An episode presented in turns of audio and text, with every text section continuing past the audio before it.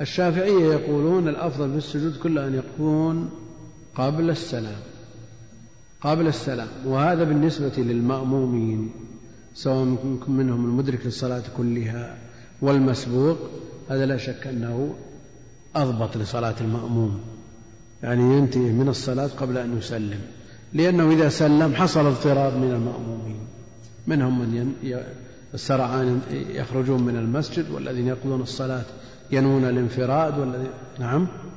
هذا عند الشافعية يكون أضبط فهو أفضل. هذا رأي الحنفية والشافعي.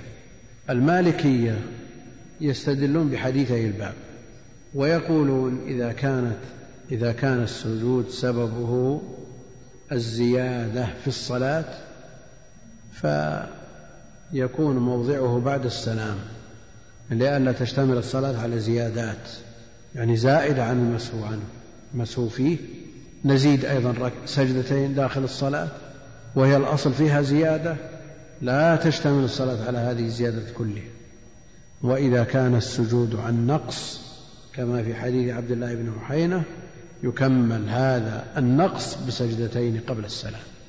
مذاهب الأئمة واضحة ولا ما واضحة مآخذها ظاهرة. الحنفية يقولون كله بعد السلام والشافعية كله قبل السلام. والمالكية إن كان لزيادة بعد السلام وإن كان للنقص قبل السلام. والحنابلة الإمام أحمد رحمه الله يرى السجود كله قبل السلام إلا ما ورد النص فيه إلا ما ورد النص فيه أنه بعد السلام. ومنه إذا سلم عن نقص كما في قصة اليدين ومنها إذا ما بنى الإمام على غالب ظنه. نعم. وفيه فليتحرى. ثم ليسجد بعد السلام. يعني الأصل أن الصلاة تختتم بالتسليم. الصلاة تختتم بالتسليم وكل ما يتعلق بها يكون قبل التسليم لأنه خاتمتها. هذا الأصل. لكن جاء بعض الصور ثابتة عن النبي عليه الصلاة والسلام أنه سجد بعدما سلم تكون هذه على خلاف الأصل ويقتصر فيها على مواردها. يقتصر فيها على مواردها. على كل حال الأمر فيه سعة. الأمر فيه سعة والاتباع هو المطلوب. فإذا كان النص يدل على أن السجود قبل السلام أو بعده يتبع النص. يتبع النص. وما عدا ذلك كونه قبل السلام هو الأصل. ومسائل السهو كثيرة جدا. متعلقات الباب فرعها الفقهاء بتفريعات كثيرة. فتراجع كتب الفروع. نعم. عفى الله عنك. باب المرور بين يدي المصلي. عن أبي جهيم بن الحارث بن الصمة الأنصاري رضي الله عنهما قال قال رسول الله صلى الله عليه وسلم لو يعلم المار بين يدي المصلي ماذا عليه من الإثم لكان أن يقف أربعين خيرا له من أن يمر بين يديه. قال أبو النضر. لا أدري قال أربعين يوما أو شهرا أو سنة. باب المرور بين يدي المصلي. المرور بين يدي المصلي. لا شك أن المرور بين يدي المصلي يشوش على المصلي صلاته. يشوش عليه صلاته. والمطلوب في الصلاة حضور القلب والخشوع تدبر ما يقرأ وما يسمع. فإذا مر بين يدي المصلي شيء لا شك أنه يشوش عليه. ولذا جاء الوعيد الشديد. في حديث الباب يقول عن أبي جهل بن الحارث بن الصمة الأنصاري رضي الله عنه قال قال رسول الله صلى الله عليه وسلم لو يعلم المار بين يدي المصلي ماذا عليه من الإثم لكان أن يقف أربعين خيرا له من أن يمر بين يديه. لو نعم لو يعلم. لو هذه حرف امتناع. الامتناع. امتناع الامتناع يعني امتنع وقوف هذا المار لامتناع علمه بالإثم. لو يعلم المار بين يدي المصلي ماذا عليه من الإثم؟ من الإثم هذه ليست في الصحيحين. وانتقد الحافظ ابن حجر الحافظ عبد الغني حيث أدخلها لأن صنيعه يوهم أنها في الصحيحين. يوهم أنها في الصحيحين. لو يعلم المار ماذا عليه من الإثم لا توجد في الصحيحين. انتقد ابن حجر مؤلف العمدة وذكر أنها لم تثبت إلا في رواية أبي الهيثم الكشميهني. وهو ليس من العلماء إنما هم من الرواة صحيح البخاري. فتوجد هذه في روايته تفرد بها وروايته ليست قوية. من الروايات الأخرى لأنه ليس من أهل العلم الكشميهني ومع ذلك الحافظ بن حجر ينتقد الحافظ عبد الغني ويوردها في البلوغ أوردها في البلوغ فيتجه عليه الانتقاد مثل ما انتقد. نعم يتجه عليه الانتقاد والنقد بابه مفتوح. إذا كان القصد منه النصيحة فالنصيحة لا بد منها والدين النصيحة وحينما انتقد من أدخل هذه اللفظة يشكر على هذا الانتقاد لأنه بين للناس وكونه يقع فيما انتقد ليعلم العلماء وطلاب العلم أنه ليس هناك عصمة. ليست هناك عصمة. كونه ينتقد ويقع في الخطأ وهو من الحفاظ رحمه الله. ما هو بإنسان عادي لكن يقع يقع. وكثيرا ما ينتقد الإنسان ولا أقصد ابن حجر ينتقد الإنسان في شيء ولا يكون في ذلك مخلصا فيقع فيه. وقيل لشخص من الأئمة أئمة المعروفين أن فلانا قرأ الآية كذا فضحك فقرأها كما قرأها من ضحك عليه. وقع فيها. ولا أريد أن أذكر الآية لئلا يعرف الطرفان لأن المسألة مشهورة. على كل حال النقد إذا كان القصد منه النصيحة. يعني إذا كان الشخص موجود يعني لو أن الحافظ عبد الغني موجود في وقت الحافظ ابن حجر المناسب أن يكتب له أن هذه اللفظة لا توجد في الصحيحين فيتولى هو نفسه حلفه بدلا من أن يكون هذا بمصنف يقرأ إلى يوم القيامة.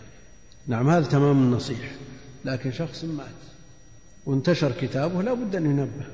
ينبه عليه ويبين. وليس القصد من ذلك تنقص أهل العلم له ليس الهدف من ذلك تنقص أهل العلم وإنما القصد منه بيان الحق وتصحيح ما يقع من أوهام وأخطاء. وأوصي طلاب العلم أن يقرأوا في مقدمة موضح أوهام الجمع والتفريق للخطيب البغدادي لأنه يصح على الأئمة الكبار يصح على البخاري وأحمد وغيره يصح على الكبار موضح أوهام الجمع والتفريق. طالب العلم إذا تصور موقف الخطيب وهو إمام من أئمة المسلمين ويقول مثل هذا الكلام بالنسبة للكبار عرف كيف يتعامل أهل العلم بعضهم مع بعض بصدق وإخلاص وأن القصد من ذلك كله بيان الحق والوصول إلى الصواب والاعتراف بالفضل لأهله هذا أمر مطلوب لأنه قد يجول بخاطر شخص يقول هذا صح على البخاري ومسلم وأبي حاتم وأبي زرعة وأحمد بن معين وكذا وش يصير هذا؟ ولولا هذه المقدمة التي ذكرها والتي على كل طالب علم أن يراجعها مع ما كتبوه كثير في هذا الباب بين الخطيب رحمه الله أنه لولا هؤلاء ما صار شيء ما صار شيء لكن لا يمنع أن يهم الإنسان ويخطئ يقع في شيء من الخطأ هذا أمر لا ينفك منه أحد. لو يعلم المار بين يدي المصلي ماذا عليه من الإثم لكان أن يقف أربعين. أربعين إيش؟ ما يدري هذه أربعين يوم أربعين شهر أربعين سنة. هي مبهمة. إذا لم يذكر التمييز فالمميز مبهم. فلذا لما جيء بالتاريخ بداية التاريخ من قبل عمر رضي الله عنه جاء إليه شخص بصك فيه دين على شخص إلى شعبان يعني يحل في شعبان. لكن شعبان سنة كم؟ ما فيه قال شعبان الماضي أو شعبان القادم ما يدرى. وبعض الناس يعرف أنه مولود في نصف رمضان لكن سنة كم؟ ما يدري. هذا موجود. وهنا لكان أن يقف أربعين. وأحيانا يحذف التمييز للتفخيم ولتعظيم الأمر وتهويله. مش أربعين ذا. ما هذه الأربعين؟ احتمال تكون أربعين قرنا بعد. نعم احتمال. فلكان أن يقف أربعين خيرا له. فيحذف المتعلق. أحيانا يحذف المفعول وأحيانا يحذف الظرف ليسرح الذهن كل مسرح كل ما يخطر على البال تصوره هنا فيكون أشد وأعظم. لكان أن يقف أربعين خيرا له من أن يمر بين يدي المصلي. الأمر ليس بالسهل ليس بالهين. قال أبو النضر الراوي لا أدري قال أربعين يوما أو شهرا أو سنة. والمسألة خمس دقائق خمس دقائق. تجد السرعان يخترقون الصفوف ويتخطون المصلين من أجل خمس دقائق أو أقل. وهنا لا يعلم المار. يقف أربعين. أمر ليس بالهين. والمسألة مسألة إثم عظيم أبيحت المقاتلة من أجله فليس من السهل أن يمر الإنسان بينه وبين سترته وهو يصلي. وهذا يدل على تحريم المرور بين يدي المصلي إذا استتر. إذا استتر كما سيأتي في الحديث الذي يليه. نعم. عفى الله عنك. وعن أبي سعيد الخدري رضي الله عنه قال سمعت النبي صلى الله عليه وسلم يقول إذا صلى أحدكم إلى شيء يستره من الناس فأراد أحد أن يجتاز بين يديه فليدفعه فإن أبى فليقاتله فإنما هو شيطان. يقول رحمه الله تعالى عن أبي سعيد الخدري رضي الله عنه قال سمعت رسول الله صلى الله عليه وسلم يقول إذا صلى أحدكم إلى شيء يستره. إذا صلى أحدكم إلى شيء يستره. هذه يستدل بها أهل العلم على أن الأمر باتخاذ السترة ليس على سبيل الوجوب وإنما على سبيل الاستحباب. إذا صلى أحدكم إلى شيء يستره مما يدل على أن له أن يصلي إلى غير سترة.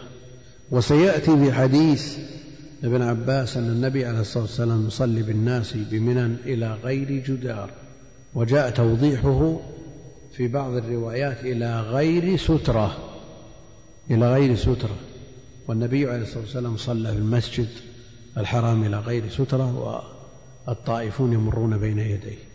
فدل على أن الأمر باتخاذ السترة ليستتر أحدكم في الصلاة ولو بسهم هذا الأمر للاستحباب وليس على سبيل الوجوب وهو قول عامة أهل العلم. أوجبه بعضهم للأمر لكن هذا صارف. إذا صلى أحدكم إلى شيء يستره من الناس فالسترة مستحبة وتكون بالجدار وتكون بمؤخرة الرحل وتكون بالسهم. المقصود أنها تكون بشيء تكون بشيء يعرف المار أن هذا يصلي. شيء شاخص. وأما الخط فإن لم يجد فليخط خطا. هذا الحديث مثل به ابن الصلاح للمضطرب فقد روي على نحو عشرة أوجه مختلفة. مثل به للمضطرب. وابن حجر رحمه الله رجح بعض الطرق على بعض وانتفى عنه الاضطراب. وقال في البلوغ ولم يصب من زعم أنه مضطرب بل هو حديث حسن. فعلى هذا تكون السترة بالخط. وفي حكم الخط طرف السجادة طرف السجادة. عند من يقول بأن هذا يجزي وإلا فالحديث فيه كلام طويل لأهل العلم. والحكمة من السترة عند أهل العلم ليكف المصلي بصره عما وراءه ينظر في موضع سجوده وليمنع من أراد الاجتياز دونها أما إذا لم يستتر فليس له أن يمنع. إذا صلى أحدكم إلى شيء يستره من الناس يعني ما تصور أن الساتر بحيث لا يراه الناس لا. ولا مؤخرة رحل عنزة ولا عصا ولا أي شيء ولا جدار حائط قصير ولا أدنى شيء. فأراد أحد أن يجتاز بين يديه أي أحد كائنا من كان فليدفعه. يرده. الأسهل فالأسهل. إذا كان ترده الإشارة يفعل. إذا كان لا يرده إلا الدفع باليد يفعل. فإن أبى فليقاتله. رفض. دفعه رجع. دفع رجع. دفع رجع. فليقاتل. يعني ينتقل من الأسهل إلى الأشد. لكن هل يصل الأمر إلى أن يخرج المسدس من جيبه ويقتله؟ هذا ليس بقتل. ما قال فليقتله. نعم. إنما قال فليقاتله لتكون مدافعة بين الاثنين هذه مقاتلة. فإنما هو شيطان. هذه هي العلة. فإنما هو شيطان. لا شك أن الشخص الذي يصر على أن يؤثر في صلاة أخيه المسلم هذا شيطان. مثل هذا شيطان. ليست له حرمة. ليست له حرمة. منهم من يقول فليقاتله. هذا من باب المقاتلة. كما تقول قاتل الله فلانا. قاتل الله اليهود والنصارى يعني لعنهم. فليقاتله بالسب والشتم. هذا قول قيل به لكنه قول ضعيف.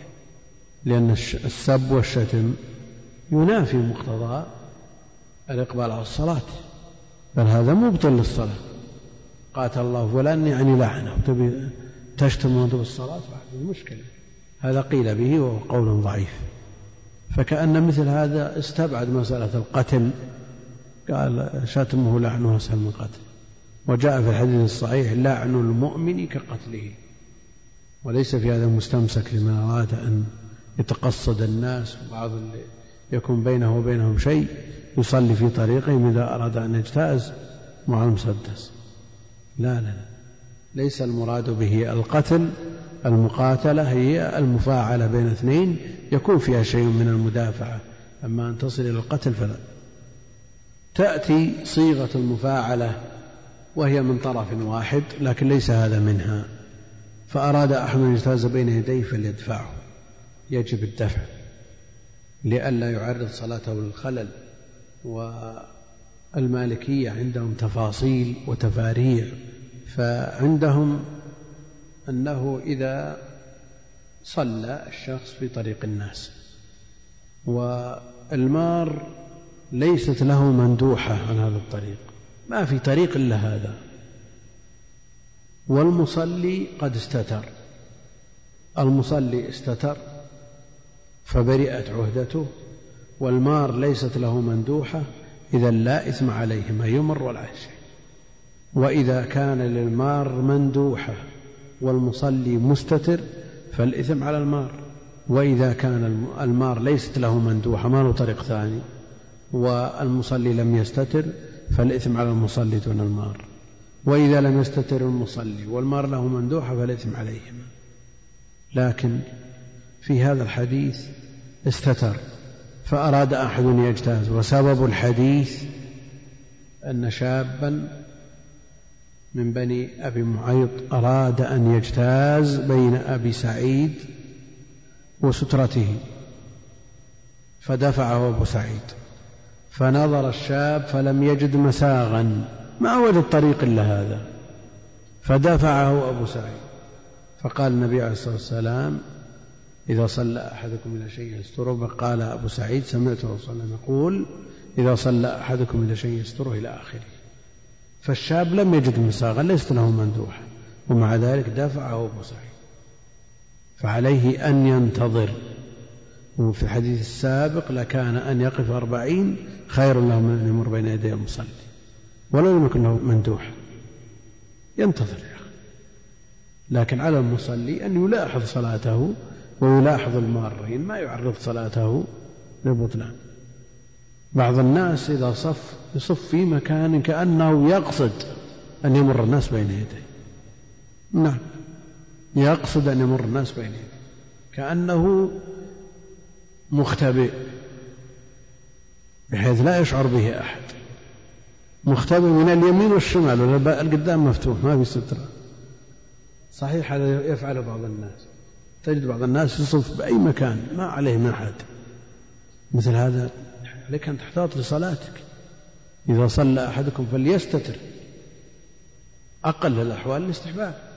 فإن أبى فليقاتله فإنما هو شيطان والمقاتل المراد بها المدافعة. نعم نأخذ الحديث الذي بعده. عفى الله عنك. وعن عبد الله بن عباس رضي الله عنهما قال أقبلت راكبا على حمار أتان وأنا يومئذ قد ناهزت الاحتلام. ورسول الله صلى الله عليه وسلم يصلي بالناس بمنى إلى غير جدار فمررت بين يدي بعض الصف فنزلت فأرسلت الأتان ترتع ودخلت في الصف فلم ينكر ذلك علي أحد. جاء في الحديث الصحيح أنه يقطع صلاة الرجل إذا مر بين يديه المرأة والحمار والكلب وجاء في بعض الروايات تقييد بالأسود. وهنا في هذا الحديث حديث ابن عباس قال أقبلت راكبا على حمار أتان. لو قال على أتان ما يكفي؟ هي أنثى الحمار. فالحمار يطلق على الجنس مثل الإنسان على الذكر والأنثى. والأتان خاص بالأنثى ولذا لا يقال أتانة. أقبلت راكبا على حمار أتان وأنا يومئذ قد ناهزت الاحتلام النبي عليه الصلاة والسلام يصلي بمنى في السنة العاشرة وابن عباس ولد قبل الهجرة بثلاث يعني عمره ثلاث عشرة سنة. ما احتلم ناهز الاحتلام ثلاث عشرة سنة. ورسول الله صلى الله عليه وسلم يصلي والحال أن الرسول عليه الصلاة والسلام يصلي بالناس بمنى إلى غير جدار. يقول ابن دقيق العيد لا يلزم من عدم الجدار عدم السترة. وجاء التفسير في بعض روايات الحديث إلى غير جدار يعني إلى غير سترة. يعني إلى غير سترة. فمررت بين يدي بعض الصف. فنزلت وأرسلت الأتان ترتع ترعى ودخلت في الصف. فلم ينكر ذلك علي أحد. والعبرة بإقرار النبي عليه الصلاة والسلام. إلا أنه لو كان مما ينكر لبادر الصحابة بالإنكار عليه كما بادروا بالإنكار على من بال في المسجد. ابن عباس يريد أن يستدل على أن مرور رأتان بين يدي المصلي لا تقطع صلاته واستدل به بالحديث وبحديث عائشة الآتي أن الصلاة لا تقطع, لا تقطع بمرور شيء. لا يقطع الحمار الصلاة. حديث عائشة الآتي المرأة لا تقطع الصلاة. فحملوا القطع على النقص من الأجر لا البطلان. والمشهور عند الحنابلة أنه لا يقطع الصلاة إلا الكلب الأسود البهيم. وأخرجوا الحمار بحديث ابن عباس وأخرجوا المرأة بحديث عائشة. والاستدلال إنما يتم لو مر الحمار بين يدي المصلي وسترته وهو يصلي منفرد أو إمام. أما بالنسبة للمأموم فحكمه معروف. سترة الإمام سترة لمن خلفه. ومنهم من يقول الإمام سترة لمن خلفه. الإمام سترة لمن خلفه. فلو مر بين يدي الإمام بطلت صلاته وتبطل صلاة مأموم ببطلان صلاة إمامه. فلا يتم الاستدلال بمثل هذا الحديث. الاستدلال لا يتم بمثل هذا الحديث على عدم بطلان الصلاة بمرور الحمار. لأن الحمار ما مر بين يديه لا إمام ولا منفرد والمأموم سترته إمامه سترته إمامه. وجاء في بعض الأخبار أن سترة الإمام سترة من خلفه لكن مثل هذا ما جاء في هذا الحديث يحمل على هذه الحالة. فإذا مر بين يدي المأموم لا يؤثر بخلاف ما إذا مر بين يدي الإمام أو المنفرد ويبقى الحديث محفوظ ببطلان صلاة المصلي بمرور الحمار ومثله المرأة على ما سيأتي. فصلى النبي عليه الصلاة والسلام بمنى إلى الجدار فمررت بين يدي بعض الصف بالحمار.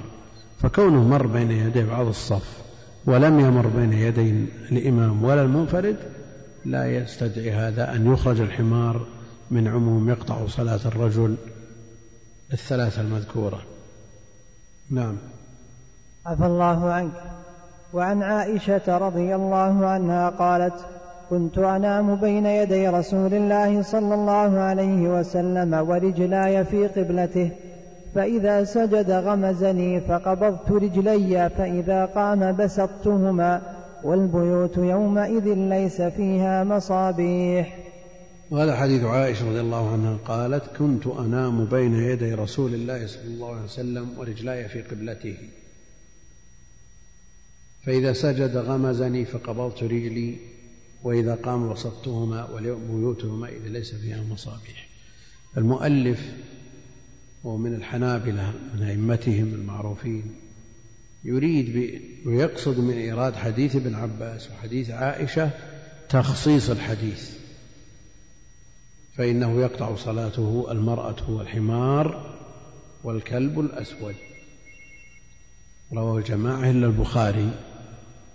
ولو كان الحديث على شرطه لأورده قبلهما لكنه أورد مفردات مسلم.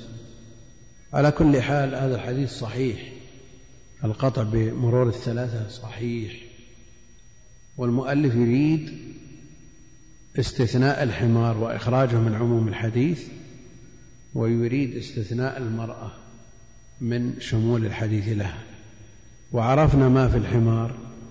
أنه لا يستثنى من الحديث إلا لو كان مروره بين مصل وبين سترته والإمام سترة لمن خلفه. ومنهم من يطلق سترة الإمام سترة لمن خلفه. فالمأموم لا يطلب له سترة. وعلى هذا للإنسان أن يمر بين يدي الصف. أن يمر بين يدي الصف لا سيما إذا دعت الحاجة إلى ذلك. أحيانا في الحرمين الشريفين. يحتاج الإنسان إلى أن يمر بين يدي الصف. لا ولا أثر له في في صلاة المأمومين. فلا يتم الاستدلال بالاستثناء إلا لو مر بين يدي منفرد أو إمام. وكذلك حديث عائشة رضي الله عنها قالت كنت أنام بين يدي رسول الله صلى الله عليه وسلم ورجلاي في قبلته فإذا سجد غمزني طنح طعن بأصبعه في رجلها فقبضت رجلي وإذا قام بسطته الحجرة ضيقة. الحجرة ضيقة. لا تستوعب واحد يصلي واحد نائم ولنتصور عيش عليه الصلاة والسلام. عيش النبي عليه الصلاة والسلام. أفضل الخلق وأشرف الخلق وأكمل الخلق. في غرفة لا تستوعب نائما ومصليا. كنت أنام وهذا يدل على أنه تكرر هذا والصيغة للاستمرار. بين يدي رسول الله صلى الله عليه وسلم ورجلاي في قبلته. فإذا سجد غمزني ويحتمل أن يكون بحائل يعني مستترة ويحتمل أن يكون بدون حائل لكن من غير شهوة. والنبي عليه الصلاة والسلام يملك إربه. فإذا سجد غمزني فقبضت رجلي وإذا قام بسطتهم تحتاج إلى بسط الرجلين والبيوت يومئذ ليس فيها مصابيح. البيوت يومئذ ليس فيها مصابيح. هذا اعتذار منها. لأنه قد يقول قائل لماذا ما تكف الرجل وتبسط من غير غمز ما تدري هو راكع ولا ساجد ولا قائم ولا. لأنها ليس فيها مصابيح. ليس فيها إضاءة وليس فيها كهرباء ولا سرج. هكذا كانت الحياة حياة الناس إلى وقت قريب. يعني مشيت فقل نصف قرن أو أقل ليس فيها مصابيح. فهذا الذي يجعلها تحوجه إلى غمز لو كان فيها مصابيح كفت رجلها بمجرد ما يهوي إلى السجود والحنابلة يستدلون بهذا على أن المرأة لا تقطع صلاة الرجل. لكن هل صنيع عائشة هذا مرور؟ صنيع عائشة هل هذا مرور؟ وهل حكم القار هو حكم المار؟ لا يختلف.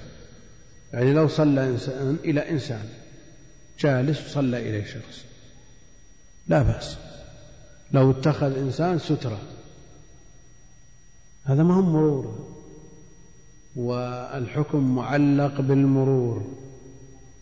الحكم حكم القطع معلق بالمرور. وليس القار كالمار.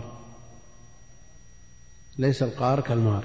فاستثناء عائشة واستثناء المرأة من عموم حديث يقطع صلاة الرجل إذا مر بين يديه الثلاثة لا يستقيم ولا يتم إلا لو مرت بجسمها كاملا عائشة تستنكر على من يروي الحديث وتقول ساويتمونا بالحمر والكلاب.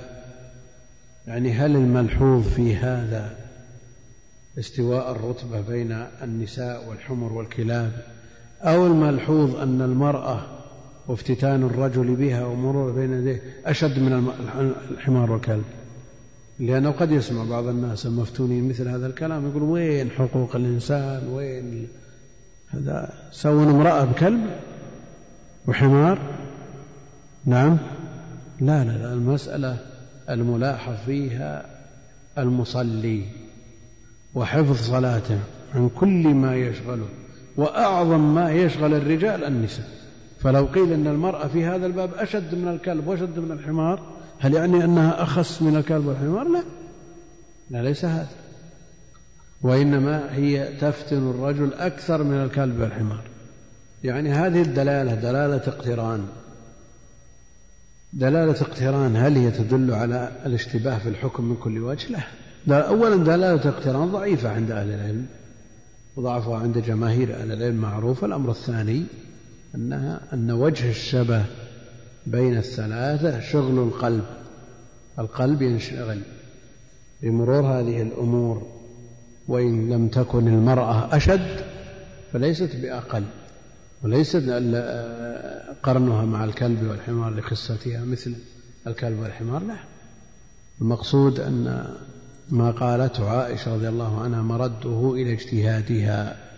مما يدل على أنها لم تسمع الحديث من النبي عليه الصلاة والسلام وإلا لو سمعته منه عليه الصلاة والسلام ما كان لها خيرة في الأمر أبدا وليس لها أن تناقش أو تجادل. نعم يوجد من يناقش ويجادل في الأحاديث الصحيحة الصريحة لكن هؤلاء قوم من المفتونين. أما من كان هواه تبعا لما جاء به النبي عليه الصلاة والسلام من رضي بالله ربا وبالإسلام دينا وبمحمد رسولا لا يمكن أن يناقش إذا صح الخبر. ما كان لمؤمن ولا مؤمنة إذا قضى الله ورسوله أمرا أن يكون لهم الخيارة من أمرهم. ما لهم ما لحد كلام وفتح باب النقاش والحوار من المسائل الشرعية حقيقة مؤذن بخطر عظيم. لأن إذا صح الخبر انتهى الإشكال. ما أحد كلام الإنسان معبد مذلل لله جل وعلا ليس له أن يناقش. والله المستعان. فيبقى الحديث يقطع صلاة الرجل إذا مر بينه بين يدي الحمار والمرأة والكلاب محفوظ. فمرور هذه الأمور بين يدي المصلي مبطل لصلاته. والجمهور يحملون البطلان على نقص الأجر. لا على أنها لا تجزئ ولا تصح لا. والحنابلة معروف مذهبهم أنه لا يبطل الصلاة إلا الكلب الأسود البهيم وأخرجوا الحمار بحديث ابن عباس والمرأة بحديث عائشة وعرفنا ما في ذلك. حديث إذا صلى أحدكم يشمل يشمل كل مصلي يشمل كل مصلي. نعم. لا إذا قلنا أن المرأة داخلة في مثل هذا يكون الذي يقطع صلاتها الرجل باعتبار أنه هو الذي يشغل قلبه. وإذا كانت العلة منصوصة وأنها شغل القلب إذا لو كانت منصوصة في حديث من الأحاديث قلنا أن الحكم يدور معه. لو وجد شخص لا حاجة له بالنساء البتة ومرور رجل أو امرأة أو طفل أو لا فرق. بعض الناس تمر من عنده المرأة الفاتنة في كامل زينتها كما لو كانت محمولة على الأعناق جنازة. بعض الناس هكذا. هل نقول أن مثل هذا لا تقضي صلاته؟ لا. لأن العلة ليست منصوصة. إذا نصت العلة دار الحكم معه. وإذا استنبطت لا. والله أعلم. وصلى الله وسلم وبارك على عبده ورسوله نبينا محمد وعلى آله وصحبه أجمعين. السلام عليكم ورحمة الله وبركاته. يقول إذا كانت الغرفة ضيقة غرفة بيت عائشة رضي الله عنها إذا كانت الغرفة ضيقة كيف النبي عليه الصلاة والسلام لم يعلم عن الكلب عندما انقطع الوحي عن النبي عليه الصلاة والسلام وكان تحت السرير فلم يره النبي عليه الصلاة والسلام؟ يقول من حصل له مثل ما حصل للرسول عليه الصلاة والسلام في حديث ذي اليدين فهل إذا أراد إتمام الصلاة يكبر للصلاة أو يدخل فيها بدون تكبير؟ ينظر إلى المتروك ينظر إلى المتروك فإن كان مما يبدأ بالتكبير ولم يمر في وقته مثلا الانتقال من الجلوس إلى القيام. لو افترضنا أنه جلس في الثالثة كبر وجلس وأراد أن يتشهد فسبحوا به. يقوم إلى الرابعة من دون تكبير لأنه انتقل من السجود بالتكبير. لكن في مثل حديث اليدين سلم عن نقص سلم عن نقص. فهل نقول أن تكبيره حينما قام من السجود إلى التشهد يكفي؟ أو لا بد من التكبير للقيام إلى الركعة الثالثة؟ لا بد من التكبير لأن الموضع موضع جلوس والجلوس يحتاج إلى تكبير انتقل من السجود إلى الجلوس بالتكبير. والقيام يحتاج إلى تكبير ثاني فيكبر. يقول ماذا عن السترة في الحرم؟ وهل يترك المار يمر أو يدافع أو يمنع؟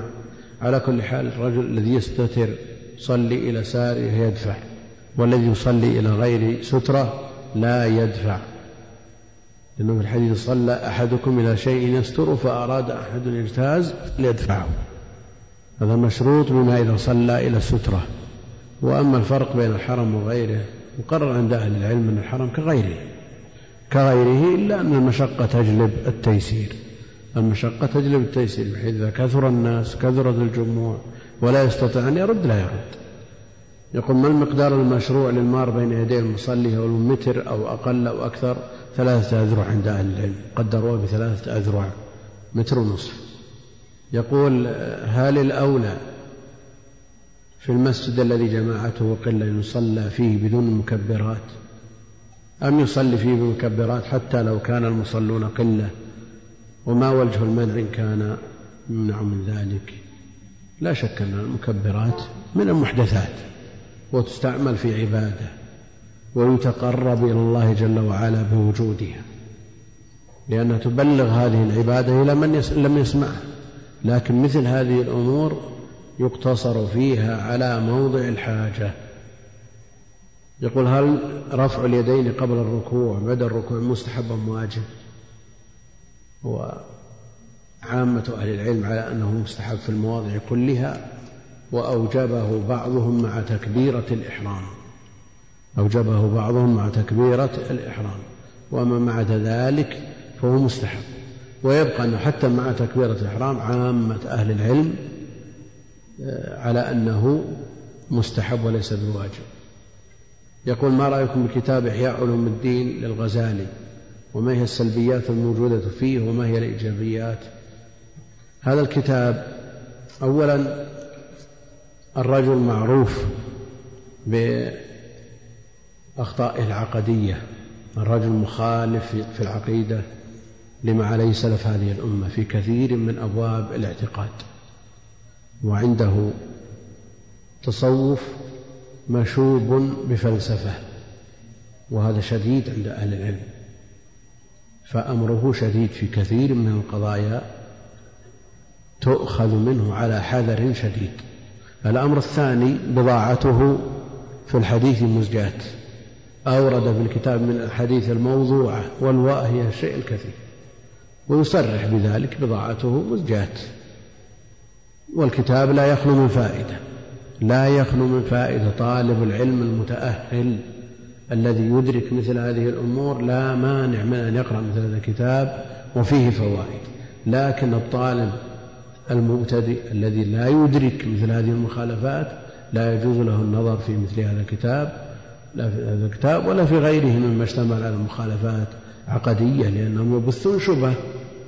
فإذا لصقت هذه الشبهة في قلب خال لا يستطيع إزالتها يعرض نفسه للخطر. فلا يجوز له أن يعرض نفسه للخطر إذا كان عنده من العلم ما يستطيع به دفع هذه الشبه لا بأس. أهل العلم قرأوا فيه ونقلوا عنه. شيخ الإسلام وابن القيم ينقلون عنه. لكن مع ذلك ينبغي أن يقرأ على حذر من قبل طالب علم متأهل. وما عدا ذلك فلا. يقول خمسة أفراد كنا في رحلة صلى بنا أحدنا صلاة العصر أربعا. فلما فرغنا من الصلاة قال أحد المأمومين إني لم أقرأ الفاتحة في الركعة الأخيرة بسبب عجلة الإمام. سؤالي هل يأتي بركعة أم أنها صحيحة؟ وهل إذا أتى بها تكون ركعة زائدة أقول الذي لا يستطيع قراءة الفاتحة كاملة مع الإمام لا شيء عليه حكمه حكم المسبوق. لكن إذا عرف أن هذا الإمام هذه طريقته وهذا هذه عادته وهذا ديدنه لا يمكنه من قراءة الفاتحة يبحث عن غيره لئلا يكون في حكم المسبوق باستمرار. يقول أحيانا يمر الإنسان على مؤذن يؤذن فيسمع من أذانه لفظة أو لفظتين ثم يمضي بسيارته فهل يردد معه هذه الألفاظ التي سمعها؟ عمل عملا بعموم إذا سمعتم المؤذن فقولوا مثل ما يقول. إذا كان يغلب على ظنه أنه يسمع مؤذنا بجميع جمل الأذان لا يردد مع هذا. ينتظر حتى يصل المؤذن الذي يجزم على أو يغلب على ظنه أنه يدرك الأذان معه كاملا. لأن الأصل أن الأذان جمل مترابطة كامل ما يؤتى ببعضه دون بعض. وإذا كان لا يغلب على ظنه فما يدركه يأتي به يقول أيهما أفضل للطالب المتوسط في علم أصول الفقه شرح مختصر الروضة أم شرح الكوكب المنير؟ على كل حال المفاضلة بين هذين الكتابين فيه شيء من الصعوبة ويحتاج إلى شيء من التفصيل. المختصر التحرير كتاب نفيس إلا أنه صعب ومعقد على طالب العلم المتوسط ويحتاج إلى شيخ بارع ماهر.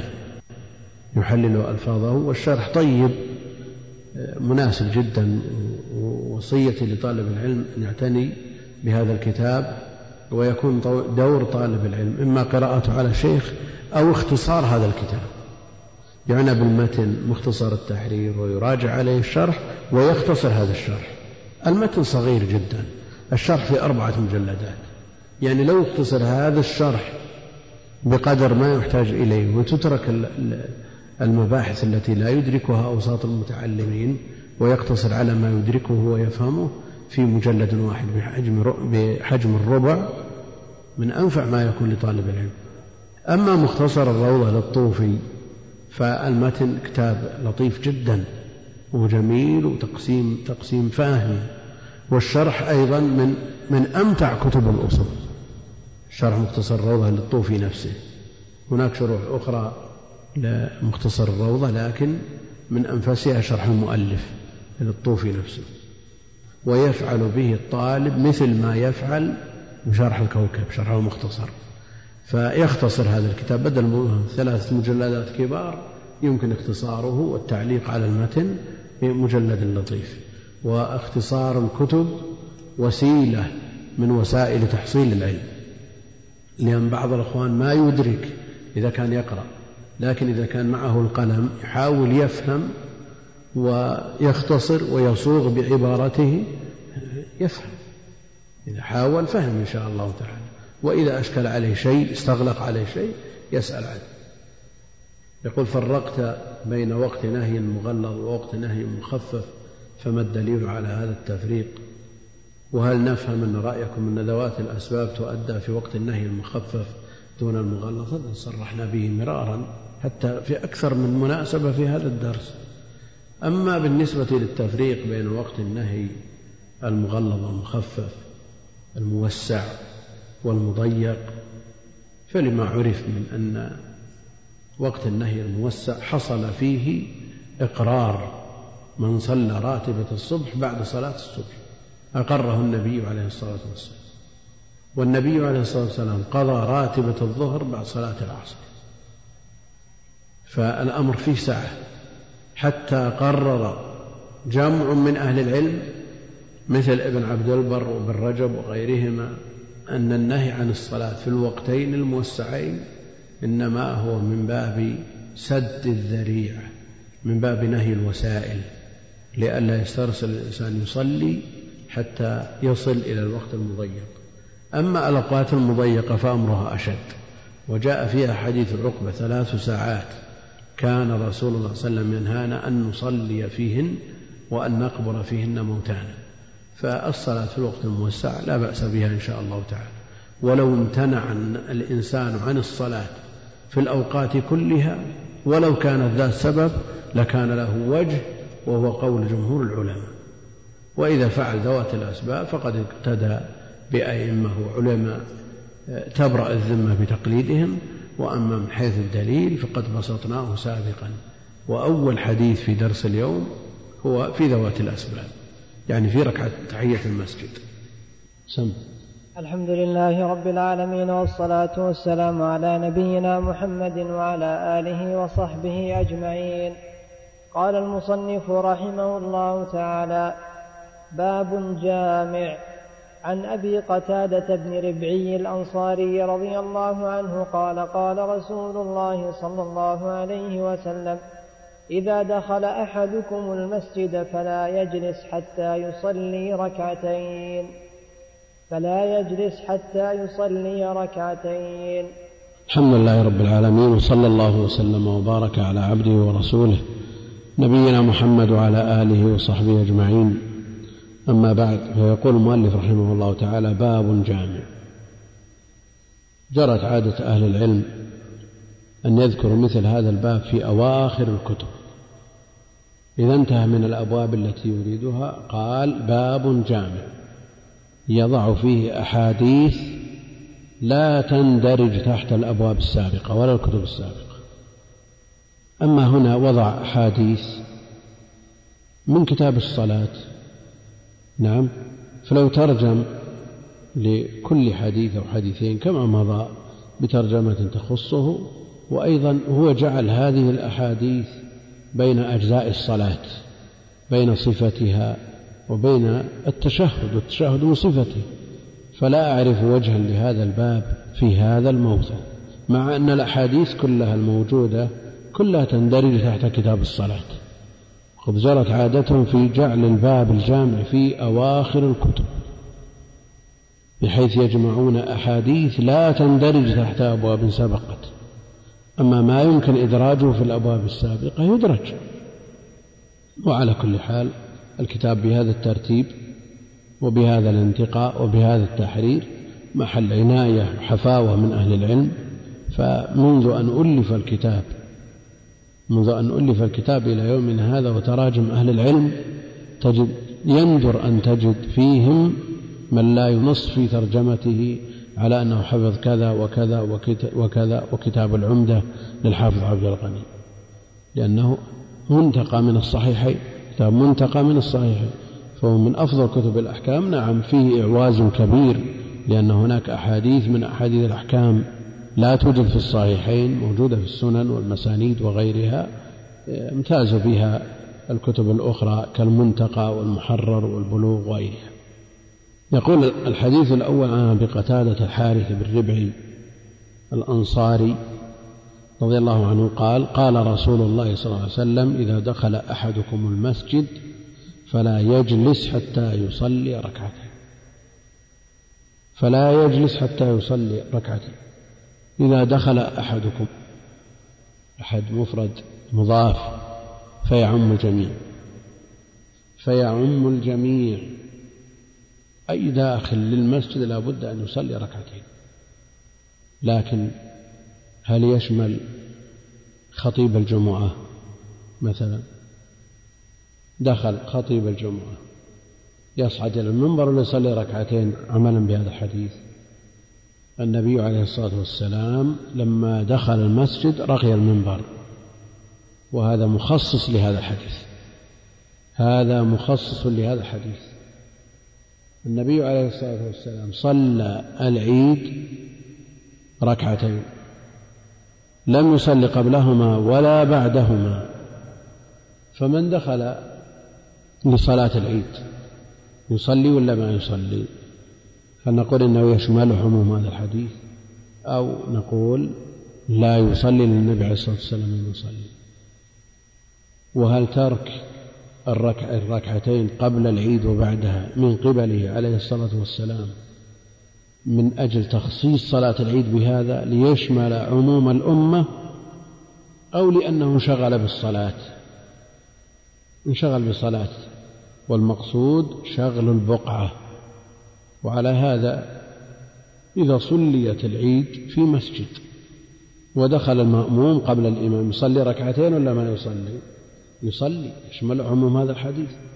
يصدق عليه أنه دخل المسجد فيصلي ركعتين. كونه عليه الصلاة والسلام لم يصلي قبلهما ولا بعدهما في مكانها النبي عليه الصلاة والسلام انشغل بالصلاة لأن الصلاة تقدم.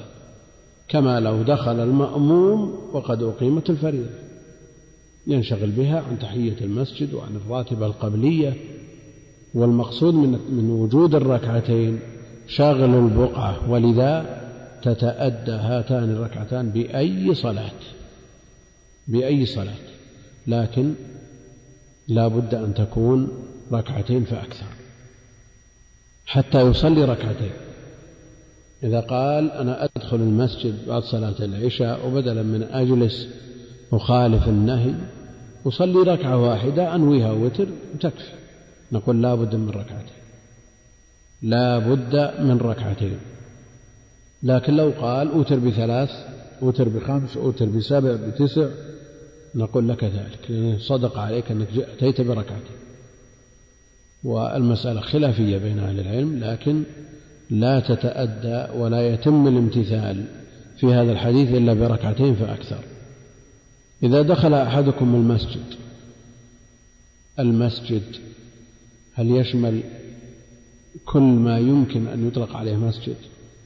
مصلى العيد مثلا مصلى الجنائز كان الجنائز لها مصلى خاص خارج البلد يسمونها جبانة. يصلون هناك تكون قريب من المقبرة وأحيانا في جزء المقبرة. وأما مصلى العيد الذي أمر الحيض باعتزاله فله أحكام. يعني نعم هو دون المسجد في الأحكام وفوق مصلى الجنائز. ولذا يقرر أهل العلم أن مصلى العيد مسجد ومصلى الجنائز ليس بمسجد. طيب المسجد الذي معروف حدوده ومعالمه لا شك أن له جميع أحكام المسجد. لكن المصليات المصليات في الأماكن العامة وفي الدوائر الحكومية يصلى فيه وقت واحد. الظهر مثلا هل يأخذ أحكام المسجد؟ لا يأخذ أحكام المسجد. بدليل أنه لو بيع هذا المكان بيع معه. لم يوقف على أساس أنه مسجد وليست فيه معالم المسجد ولا تتأدى به الجماعة المطلوبة حيث ينادى بها.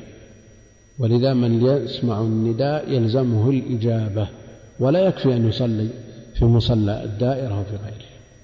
اللهم إلا إذا ترتب على خروجه من هذا المكان ضياع للعمل أو تضييع للطلاب أو ما أشبه ذلك. هذه مسألة رخص فيها أهل العلم من أجل حفظ العمل وحفظ الطلاب من الضياع والتسليم.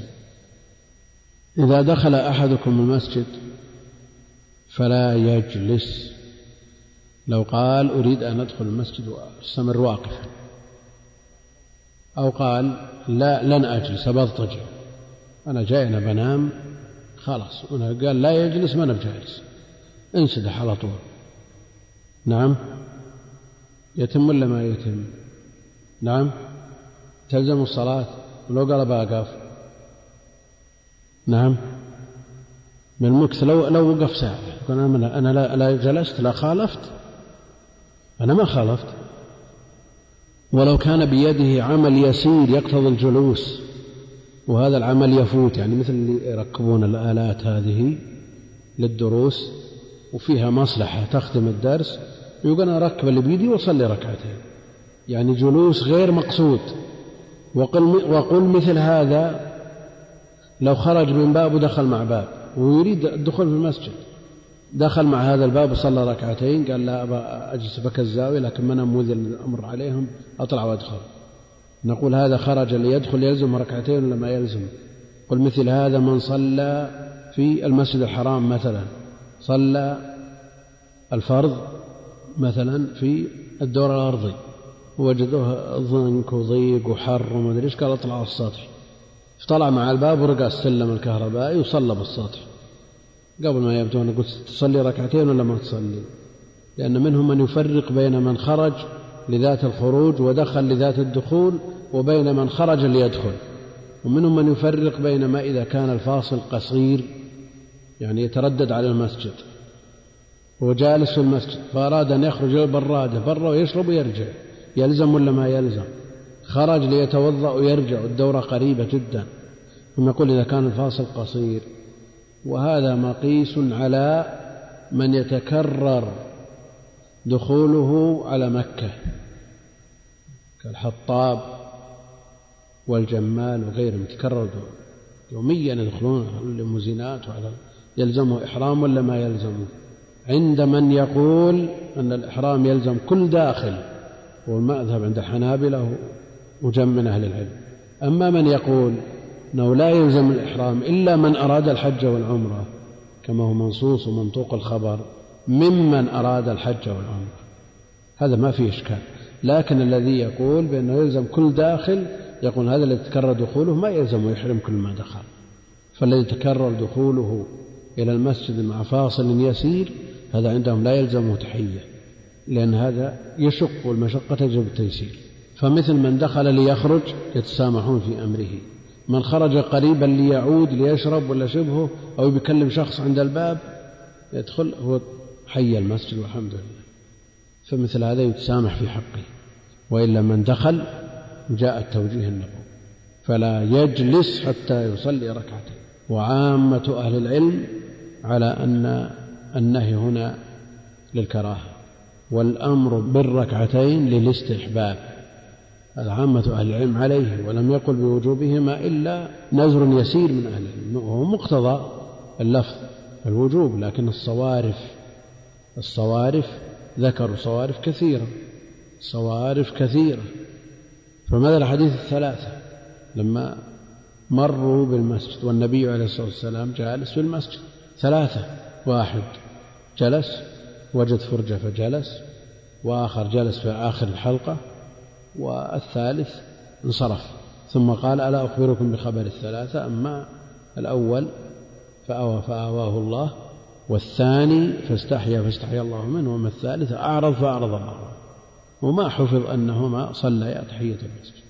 هذا من الصوارف ويذكرون مثل هذه القضايا الكثير يعني قضايا متعددة في مثل هذا. فللموجب أن يقول للموجب أن يقول أن ما تقرر في الشرع وجاء الأمر به على وجه التخصيص لا يلزم نقله في كل حادثة لا يلزم نقله في كل حادثة يعني نقله من تقوم من من تقوم الحجة بنقله فلا يلزم أن ينقله كل أحد خلاص. يصير هذا معروف ما يحتاج نقل ثاني. احتمال أنه ما صلى تحية لو ما صلى لاتجه إليهما ما اتجه إلى غيرهم. صليت ركعتين؟ يعني لو لم يكن صلى نعم. والإمام يخطأ النبي عليه الصلاة والسلام يخطب جلس قال صليت ركعتين قال لا قال قم فصلي ركعتين. ولا يلزم أن ينقل منهم من يقول وهذا مذهب عامة أهل العلم أنها الاستحباب وذكروا من الصوارف ما ذكروا ومنها خمس صلوات كتبهن الله في اليوم والليلة وليس منها تحية المسجد. على كل حال القول المعتبر والمفتى به عند أهل العلم أن الأمر للاستحباب وليس للوجوب. فلا يجلس الأمر بالشيء يقول أهل العلم نهي عن ضده والنهي عن الشيء أمر بضده فإذا نهي عن الجلوس هل هو أمر بالقيام؟ هو نهي عن الجلوس مغيى بغاية وهي صلاة ركعتين. فإذا لم يحصل منه الجلوس لا تلزمه هذه الغاية لأنه مربوط بغاية. فلا تلزمه هذه الغاية. ومعلوم عند أهل العلم أن الأمر بالشيء إذا كان ضده واحد صار النص أمر بالشيء بمنطوقه ونهي عن ضده بمفهومه. لكن إذا كان له أضداد أكثر من ضد فهل هو نهي عن جميع الأضداد أو عن واحد منها أو لا يتناول الأضداد كلها؟ فعندنا فلا يجلس. هل معنى هذا فليقف؟ يعني الجلوس ضده القيام. نعم.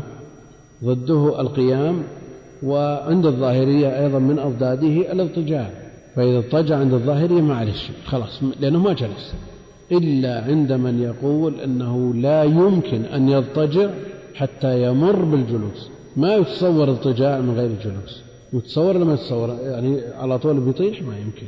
فإذا اضطجع صدق عليه أنه جلس لأنه لا ينفك الاضطجاع من الجلوس. فالاضطجاع لا يحل الإشكال كما يقوله الظاهر. نعم إن وقف فلا يتجه إليه النهي إن وقف لا يتجه إليه النهي لكن من الذي يقف مدة طويلة وبإمكانه أن يصلي هاتين الركعتين بدقيقتين خشية أن يصلي هذا محروم هذا محروم. فيصلي ركعتين ثم يجلس. لكن إذا قال أنا لن أجلس أقف لا سيما إذا كان المانع شرعي. إذا كان المانع شرعي. إيش المانع الشرعي؟ نعم النهي. النهي. النهي مانع شرعي في مثل هذا له وجه. إذا كان المانع مرغب فيه له وجه. إذا قال والله الآن درس. إن صليت فلن أعقل من صلاتي شيء ولن أستفد من الدرس. يعني لم أستفد من الدرس ولم ولن أعقل من صلاتي شيء فأنا باكف إلى أن ينتهي الدرس. إلى شوف. نعم. هذا مبرر أنه يأكل. لكن شخص ما عنده. بينتظر شخص. قال ميعادك المسجد نعم. وطال قيامه. قال بجيك الساعة ثمان ودخل المسجد سبعة ونص قال نصف ساعة هاقف. صلي ركعتين الله المستعان. ناقف بدل ما نصلي نقول لا يا أخي أنت محروم. صلي ركعتين واجلس. أنا مسألة لو دخل إلى المسجد وهو على غير طهارة استحسن بعضهم أن ينشغل بالتسبيح والذكر ويجلس. لكن هل من لازم الأمر بهاتين الصلاتين؟ الأمر بالوضوء لأنه ما لا يتم إلا به. أو نقول أن عدم الوضوء مبرر للجلوس مبرر للجلوس. مسألة الاضطجاع التي يقولها الظاهرية ترى يحتاجها كثيرا الذي يحتاج إلى ينام في المسجد يعني في معتكف. وكل ما انتبه يبي ينتبه يروح للدورة يبي يتوضأ ويجي يصلي ركعتين. معناه ما ينام. يطير عنه النوم. يقول لا أنا ما نفجع أضطجع على مذهب الظاهرية. نقول هذا في حكم حكم من يكثر التردد. إذا صلى أول مرة فالخروج اليسير هذا هذا مبرر يعني سهل. عند كثير من أهل العلم آه، يرخص له في أن لا يصلي. أقول الأمر بالشيء أمر به وبما لا يتم إلا به. فهل الأمر بهاتين الركعتين أمر بالوضوء لهما؟ نقول نعم أمر بالوضوء لهما. لكن ما دام الركعتان مستحبتين فالأمر بهما أيضا بالوضوء لهما مستحب. لأنه لا يتأدى هذا المستحب إلا بهما. ومسألة الإتيان بهاتين الركعتين في أوقات النهي بحثت أكثر من مرة. يعني بسطت أكثر من مرة فلا نحتاج إلى إعادتها. نعم. عفى الله عنك. وعن زيد بن أرقم قال كنا نتكلم في الصلاة يكلم الرجل صاحبه وهو إلى جنبه في الصلاة. حتى نزلت وقوموا لله قانتين فأمرنا بالسكوت ونهينا عن الكلام. نعم. هذا يقول الوقت الذي قبل صلاة العيد أليس وقت نهي؟ أليس وقت نهي؟ نعم من دخل في وقت النهي لكن المسألة مفترضة في من دخل بعد خروج وقت النهي. أن وقت النهي اللي قبل صلاة العيد هذا وقت مغلظ معروف لكن تأخير الفطر مثلا لو أخرت بعد خروج وقت النهي بنصف ساعة مثلا ودخل قبل الصلاة بعد ارتفاع الشمس إن كان صلاة العيد في المسجد يصلي ركعتين وإن كانت في غير المسجد فالأمر في ساعة. أما بالنسبة لما بعد صلاة العيد فثبت عنه عليه الصلاة والسلام أنه كان يصلي ركعتين في بيته ولعلهما ركعتا الضحى وإلا فصلاة العيد ليس لها راتبة. في الحديث الثاني يقول عن زيد بن أرقم قال كنا نتكلم في الصلاة. يكلم الرجل منا صاحبه وإلى جنبه في الصلاة. إذا عطس شمته إذا سلم رد عليه إذا احتاج إلى شيء كلمه حتى نزلت. وقوموا لله قانتين. القنوت له معاني كثيرة. منها دوام الطاعة ومنها الطاعة ومنها طول القيام ومنها الصلاة ومنها, ومنها السكوت ومنها السكوت. وما الذي يرجح السكوت؟ معنا السياق. يكلم مقابله السكوت. يكلم الرجل منا صاحبه وهو جنبه حتى نزلت وقوموا لله قانتين فأمرنا بالسكوت ونهينا عن الكلام. أمرنا بالسكوت يعني أمرنا بهذه الآية أو بنصوص أخرى. أن هذه الصلاة لا يصلح فيها كلام الناس. لكن هل هذه الآية يعني هل قول الصحابي فأمرنا بالسكوت ونهينا عن الكلام بهذه الآية ولا بأدلة أخرى؟ نعم. وهذه الآية تدل على النهي. قوموا لله قانتين يعني ساكتين. فأمرنا بالسكوت قوموا قانتين يعني حال كونكم قانتين ساكتين. معناه اسكتوا. نعم. وهنا هنا السياق السياق. يكلم رجل صاحبه إلى جنبه حتى نزلت وقوموا لله قانتين. الغاية قوموا لله قانتين. لا سياق الخبر. نعم. سياق الخبر يدل على أنه في السكوت. لأنها غاية للكلام. لأن الصحابي ساقه على أنه غاية للكلام. وسبب نزولها إيش؟ كلامهم. فجاء النهي عن الكلام والأمر بالسكوت لأنهم كانوا يتكلمون. والغاية هنا وقوموا لله قانتين هو مشترك لمعاني كثيرة لكن السياق ما الذي يرجح أحد معاني المشترك؟ السياق. وهنا السياق يدل على أن قانتين ساكتين. الآن الخبر مرفوع ولا موقوف؟ نعم. ها. له حكم الرفع من أي وجه؟ نعم. دعنا من آخر لو ما فيه. كنا نتكلم في الصلاة يكلم الرجل منا صاحبه إلى جنبه في الصلاة حتى نزلت وقوم الله قانتين نعم. الحاكم يرى أن تفسير الصحابي له حكم الرفع. تفسير الصحابي له حكم الرفع. لأن الصحابي الذي عاصر النبي عليه الصلاة والسلام وعرف ما جاء في التفسير من قبل الرأي لن يقدم على تفسير القرآن إلا وما عنده, عنده أصل حجة من النبي عليه الصلاة والسلام. لكن أهل عامة أهل العلم حملوا ذلك على ما يتعلق بأسباب النزول. ما يتعلق بأسباب النزول له حكم الرفع. وما عدا ذلك يحتمل أنه قاله باجتهاده. ولذا يقول الحافظ العراقي رحمه وعد ما فسره الصحابي رفعا فمحمول على الأسباب يعني على أسباب النزول. وعد ما فسره الصحابي رفعا فمحمول على الأسباب. وهنا أمروا بالسكوت ونهوا عن الكلام بهذه الآية وبغيرها من النصوص. وأمرنا ونهينا معروف أن له حكم الرفع عند أهل العلم.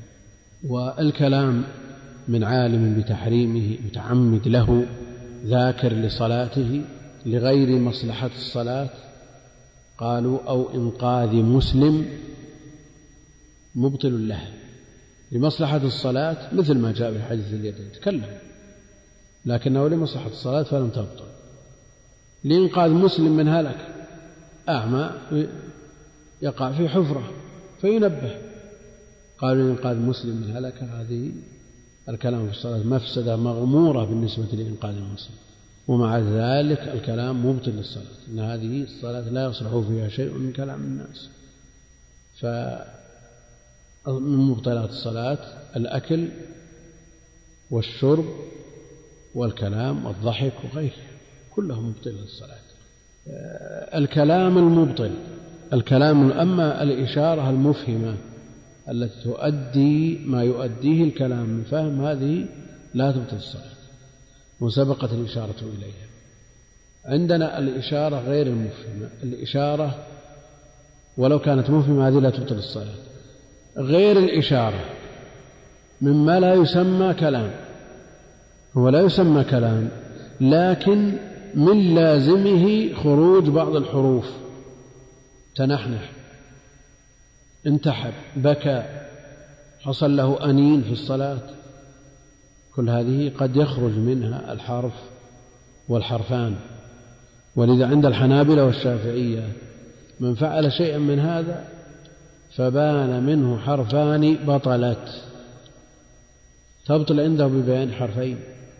ومن عداهم يقول لا ما دام ما تكلم ولا يصدق عليه إنه كلام لا لغوي ولا شرعي ولا عرفي لا يبطل الصلاة. النبي عليه الصلاة والسلام يسلم عليه فيرد بالإشارة.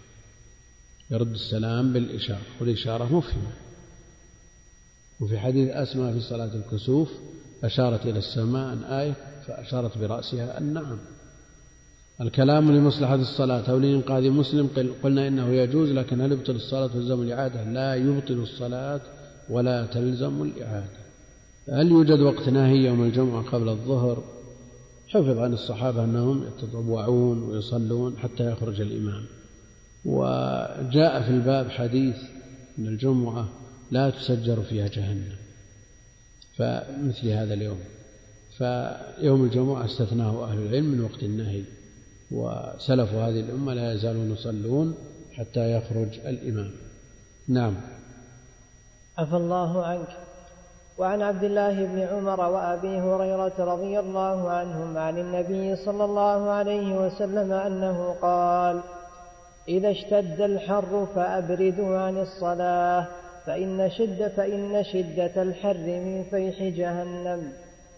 نعم هذا الحديث المروي عن أبي هريرة وعبد الله بن عمر رضي الله عنهم يعني الثلاثة عمر وابن عمر وأبو هريرة. عن عبد الله بن عمر وأبي هريرة رضي الله عنهم أنهما أنهما يعود إلى الراويين ابن عمر وأبي هريرة. عن رسول الله صلى الله عليه وسلم أنه قال إذا اشتد الحر فأبردوا عن الصلاة فإن شدة الحر في جهنم وسبق أن النبي عليه الصلاة والسلام كان يصلي الظهر بالهاجرة وسبق الحديث فيه وأن الهاجرة هي وقت شدة الحر يعني أول الوقت. ثم صارت تطلق على المبادرة بصلاة الظهر في أي فصل من فصول السنة. وسبق الكلام فيه والنبي عليه الصلاة والسلام قال إذا اشتد الحر فأبردوا عن الصلاة. وهذا من شفقته ورحمته بأمته عليه الصلاة والسلام لئلا يشق عليهم فيخرجهم من بيوتهم في هذا الوقت الشديد الحر. فأبردوا عن الصلاة. هذا يقول لقد سألتك أكثر من مرة فلم تجب. الآن لا بد أن نجيب. إذا أتيت إلى زواج وفي تصوير بالفيديو فما العمل؟ على كل حال إذا كنت ممن يرى تحريم التصوير بالفيديو فلا يجوز لك البقاء. تنكر إن امتثلوا بها ونعمت وإلا لا يجوز لك البقاء. وإن كنت ممن يقلد من يرى جواز ذلك وأنت لست من أهل النظر فأفتى به من تبرأ الذمة بتقليده. لكن على الإنسان أن يعمل بما يعتقد ويدين الله به. إذا لا يساوم في دينه لا يجامل في دينه. إذا كان يرى هذا أمر محرم لا يسوغ له البقاء. والله المستعان. إذا اشتد الحر فأبردوا عن الصلاة. الزوال 12 ويخرج الوقت بعد ثلاث ساعات ونصف مثلا. وكله وقت أداء للصلاة. إيش معنى نبرد؟ يعني في شدة الحر العصر في, في شدة الحر. نعم؟ يعني هل فأبردوا هل معناه أن نصلي الظهر في آخر النهار إذا برد الجو؟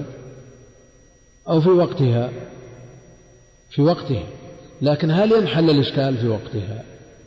يعني بعد ساعتين من الزوال ثلاث ساعات من الزوال يبرد الوقت ولا يستمر حار؟ يستمر حار. لكن المقصود أن يكون للجدران ظل يستظل به الناس للخروج إلى الصلاة.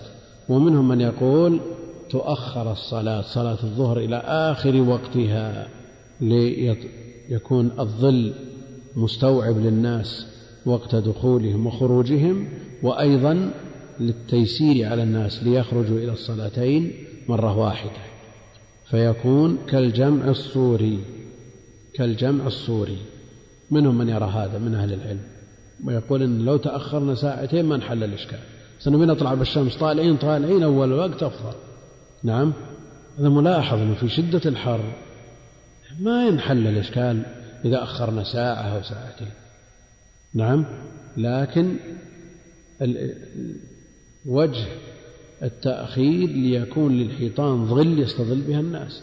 وإلا بعد الزوال مباشرة يصعب أن يوجد ظل يستظل به جميع الناس الذين يريدون أن يخرجون الصلاة ويخرجون منها. وعلى كل حال هذا من رأفته عليه الصلاة والسلام بأمته وهذا من تيسير الله جل وعلا. لكن هل التأخير رخصة ولا هو السنة؟ لأنه جاء ما يدل على أن أفضل الوقت أول. أول وقت هو أفضل. فهل نقول أن هذه رخصة أو نقول سنة وإذا قلنا رخصة فمن لا يحتاج إلى هذه الرخصة؟ يفعلها يؤخر ولا يقدم يرجع إلى الأصل. وإذا قلنا سنة يفعلها ولو لم يحتج إليها.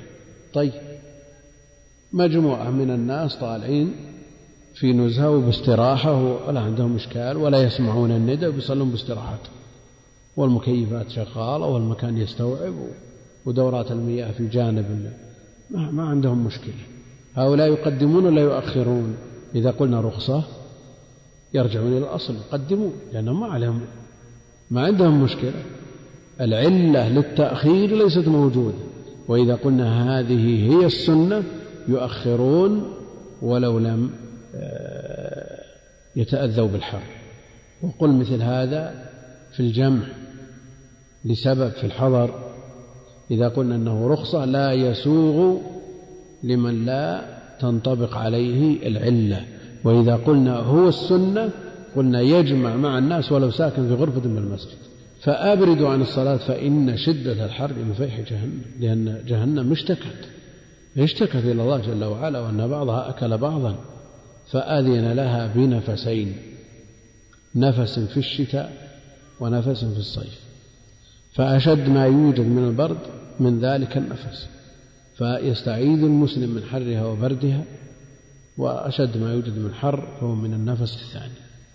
فإن شدة الحر من فيح جهنم كونها اشتكت هل هو بلسان الحال أو بلسان المقال؟ لا يمنع أن يكون بلسان المقال. وأن تشتكي بالصوت والحرف شو المعنى ائتيا طوعا أو كرها قالتا أتينا طائعين. شو المعنى تتكلم. القدرة الإلهية صالحة لهذا. منهم من يقول أبدا اشتكت بلسان المقال والله جل وعلا رأى ذلك منها فنفس له. لكن الأصل الحقيقة الأصل الحقيقة والشكوى الأصل هي أن تكون باللسان. نعم. نعم. عفى الله عنك. وعن أنس بن مالك رضي الله عنه عن النبي صلى الله عليه وسلم قال من نسي صلاة فليصلها إذا ذكرها لا كفارة لها إلا ذلك. أقم الصلاة لذكري. وتلا قوله. وتلا قوله تعالى أقم الصلاة لذكري. ولمسلم من نسي صلاة أو نام عنها فكفارتها أن يصليها إذا ذكرها. أن يصليها. فكفارتها أن يصليها إذا ذكرها. يقول هل التبسم مبطل للصلاة؟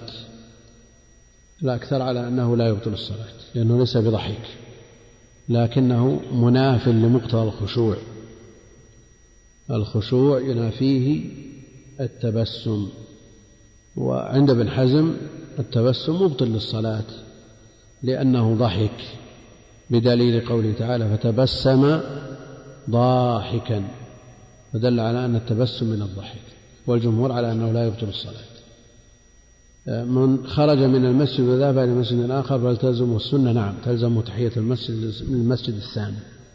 عن أنس بن مالك رضي الله عنه قال قال رسول الله صلى الله عليه وسلم من نسي صلاة فليصليها إذا ذكر لا كفارة إلا لها إلا ذلك وتلا قوله تعالى أقم الصلاة لذكري ولمسلم من نسي صلاة أو نام عنها فكفارتها أن يصليها إذا ذكرها.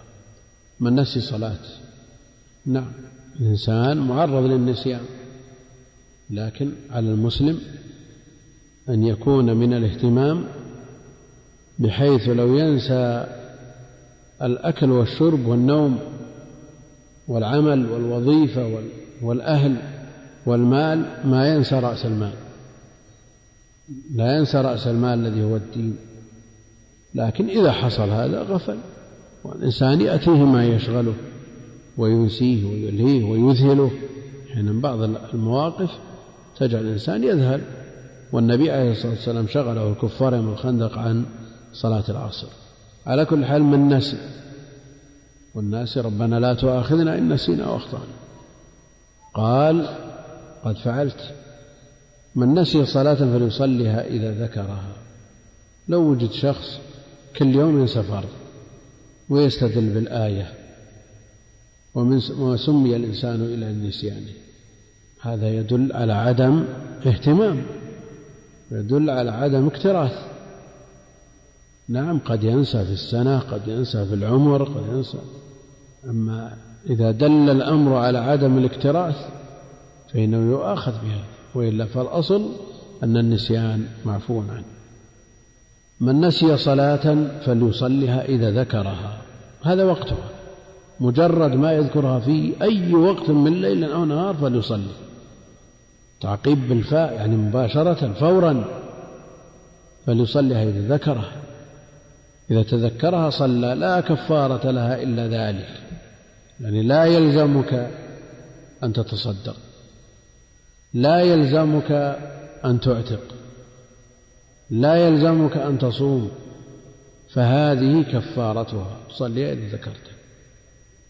هل يلزمك أن تتوب؟ تستغفر؟ نعم. ليس على سبيل الوجوب لكن من تمام العمل أن تنسب التقصير إلى نفسك. مهما بذلت من الأسباب فالتقصير حاصل. نعم. لأن هل يتصور إنسان ينسى الدوام؟ هل يتصور إنسان ينسى الدراسة؟ نعم. ما معنى كونه ينسى الصلاة ولا ينسى دوامه ولا دراسته ولا أكله ولا شربه ولا لابد من التقصير. مع أن الإنسان مجبول على النسيان لكن يبقى أنه عدم الاهتمام جعله ينساه وحينئذ يعترف بتقصيره ويندم وهذا رفعة لدرجاته لا لأنه يأثم إذا نسي لا هذا مسألة أخرى. يعني قد يقول الفقهاء فقهاء الظاهر أنت ما يلزمك إلا تصلي.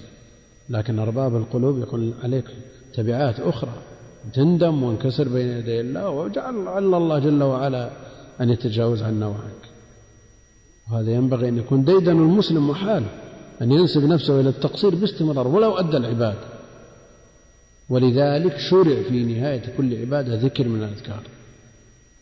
بعد الصيام التكبير بعد الصلاة الاستغفار بعد نعم. تكمل العدة ولتكبروا الله. وبعض الناس يفعل ويفتي غيره.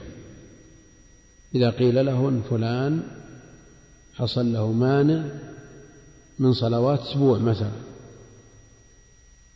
عليه صلوات أسبوع. يفتي لنفسه أنه يصلي كل فرض مع فرض. صلى الفجر اليوم يصلي الفجر من اليوم الأول. صلى الظهر اليوم يصلي الظهر من اليوم الأول. أو يسرد صلوات الفجر كلها حقات أسبوع ثم إذا صلى الظهر صلى صلوات الظهر كلها ثم إذا صلى العصر صلى صلوات العصر كلها وهكذا. فيفعل في نفسه وقد يفتي غيره. وسمعنا من يقول بهذا من العوام. لكن قضاء الفوائت فورا. عليك صلوات الأسبوع سردها الآن. والمشقة تجلب التيسير إذا كانت تعوقك عن تحصيل الحاضرة أو قلنا أهل العلم ترتيب واجب ولا يسقط إلا بنسيانه أو بخشية فوات وقت اختيار الحاضرة.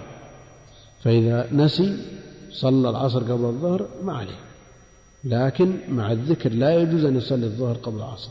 ومن سرد الفجر سبعة أيام قبل الظهر هذا مرتب ما رتب يصلي اليوم الأول الفجر ثم الظهر ثم العصر ثم المغرب ثم العشاء في الوقت ولو كان وقت نهي لأن هذه فرائض لا تدخل في النهي. ثم يأتي اليوم الثاني كذلك واليوم الثالث كذلك وإلى آخره إلى أن تنتهي. للمبادرة في إبراء الذمة. للمبادرة في إبراء الذمة.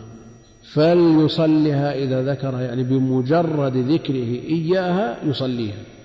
لا كفارة لها إلا ذلك. ما في بديل عن كونه يصليها لا بديل عن صلاته إياها ولا ينوب عنه أحد فيها. ما يقول الله أنا مشغول وراي صلوات قم يا فلان صل عني ما ما في أحد يصوم من أحد. وتلا قوله تعالى أقم الصلاة لذكري. أقم الصلاة لذكري. لا شك أن الصلاة إنما شرعت والمساجد إنما بنيت لإقامة ذكر الله فهي مشتملة على الذكر.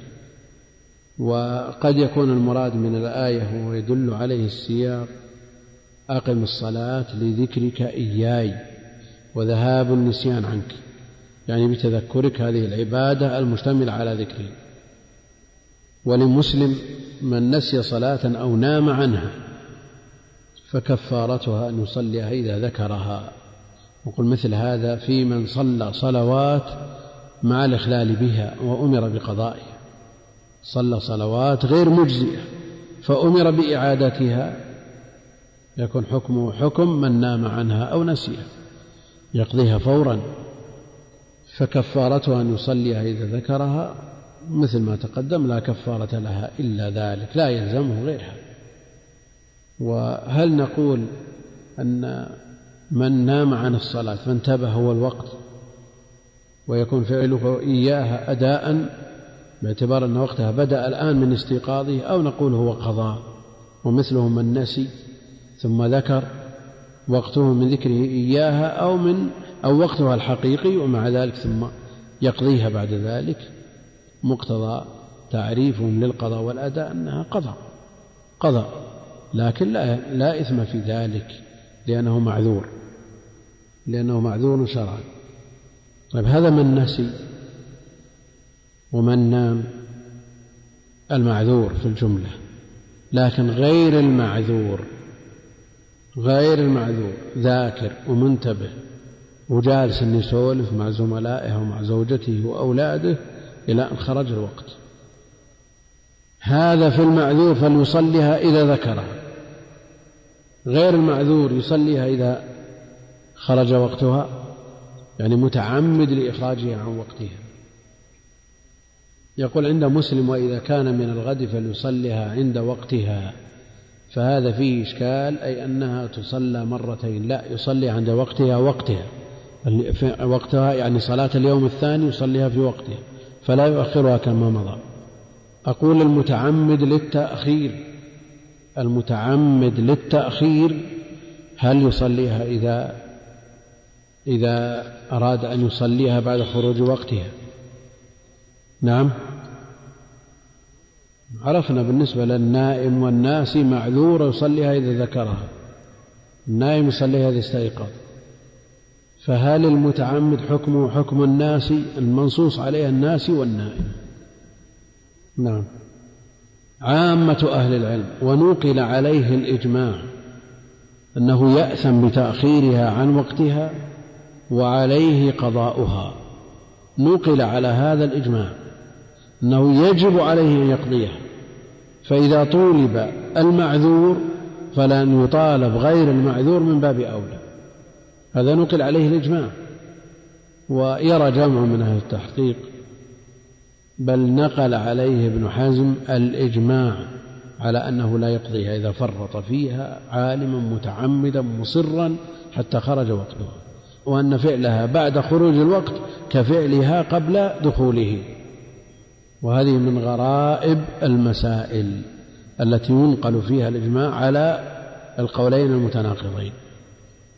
يعني ينقل الإجماع على أنه يلزمه القضاء فإذا أمر المعذور بالقضاء فلا أن يؤمر غير المعذور من باب أولى فلا أن لا يعذر بل يلزمه القضاء يؤمر بالقضاء من باب أولى وهذا قول الجماهير بل نقل عليه الإجماع. أما القول الآخر ونقل عليه ابن حزم الإجماع ويرجح شيخ الإسلام وأفتى به بعض المحققين أنه لا يقضيها. خلاص. خرج وقتها انتهى وقت فعلها. الوقت المحدد لها انتهى. يعني كما لو صلاها قبل الوقت كذلك إذا صلاها بعد الوقت. مع العمد. وقول الجمهور واضح يعني ومأخذهم واضح. إذا أمر المعذور بالقضاء فلن يؤمر غيره غير المعذور من باب أولى. ومما يستدل به شيخ الإسلام وغيره أن هذه صلاة ليست على أمره وليست على هديه عليه الصلاة والسلام فهي مردودة مردودة فلا يكلف نفسه وجاء في الحديث الصحيح من أفطر يوما من رمضان من غير عذر لم يقضه صيام الدهر ولو صامه. لكن جماهير أهل العلم يلزمه القضاء قضاء هذا اليوم. وأما بالنسبة للإثم آثم. من نام عن صلاة فانتبه قبل خروج وقتها بخمس دقائق بحيث يمكنه أداؤها لكن انتبه محتلما. يلزمه الغسل. إن اغتسل خرج الوقت. إن اغتسل خرج الوقت. وإن تيمم أدرك الوقت.